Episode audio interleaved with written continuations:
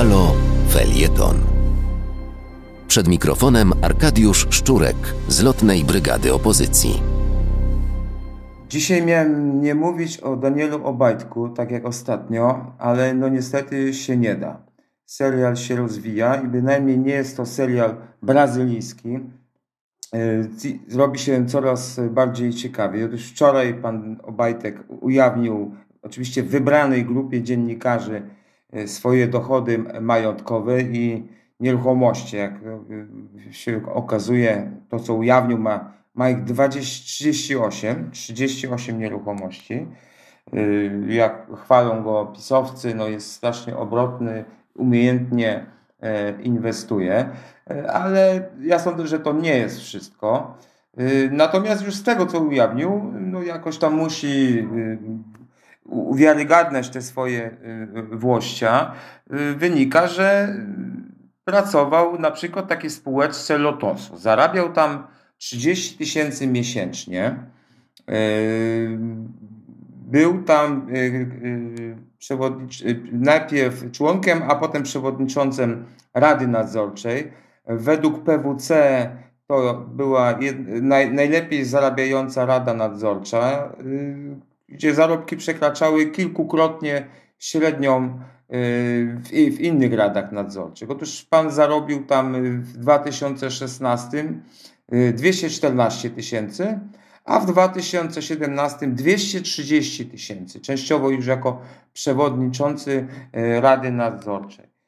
Co, co ciekawe oczywiście jest, w tym czasie był szefem Agencji Restrukturyzacji modernizacji i Modernizacji Rolnictwa. I tam siał spustoszenie, zwalniał jednych i przyjmował drugich, za co był oczywiście chwalony za swoją władzę, bo dawał stołki. Natomiast jak widać, wszystko odbywa się tu w gronie świetnych znajomych, bo szefem Lotosu, czyli tej matki firmy, był pan Pietryszyn, kolega pana Hoffmana z firmy J4S.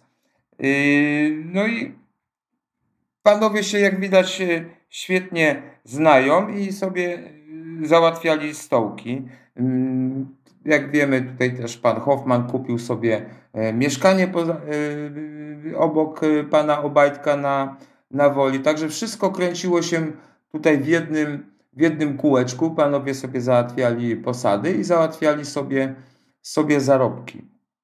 Także śledzimy ten serial, jest bardzo ciekawy i polecam Wam wszystkich, żeby czytać te wiadomości i zapamiętywać sobie, bo będą kręcić, będą męczyć Y, tak jak widzimy dzisiaj, y, wczoraj odpalili y, sprawę marszałka Grodzkiego, który jakoby brał łapówki 20 lat temu i 15 lat temu. Im próbują przykryć. Oczywiście serial w mediach pisowskich i, i TVP trwa. Jest to nieustająca pralnia.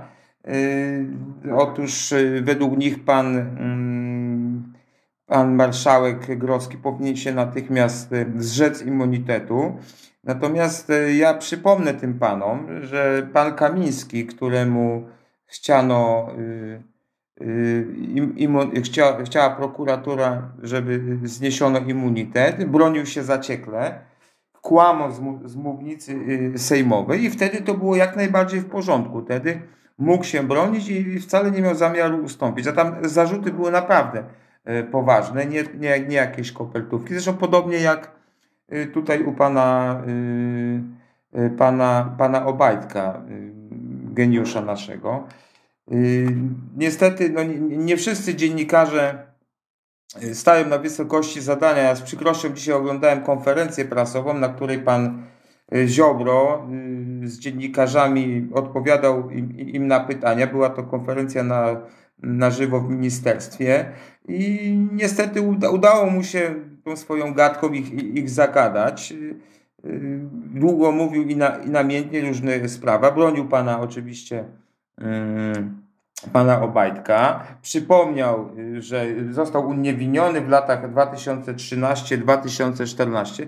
Niestety ja mam tu straszny żal do panów dziennikarzy, że że żaden nie przerwał panu ministrowi Ziobro i nie powiedział, że taśmy, które stały się ostatnio ujawnione i stały się dowodem w sprawie tego, że, że jednocześnie pracował na swoim stanowisku i, i zarządzał firmą, co jest zakazane, były do prokuratury przekazane dopiero w 2016 roku i to w październiku. Także ta sprawa w ogóle nie była sądzona.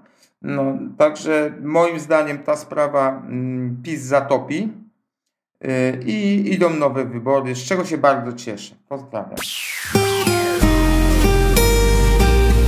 Do wysłuchania kolejnego felietonu Arkadiusza Szczurka zapraszamy w następny czwartek o godzinie 14.50.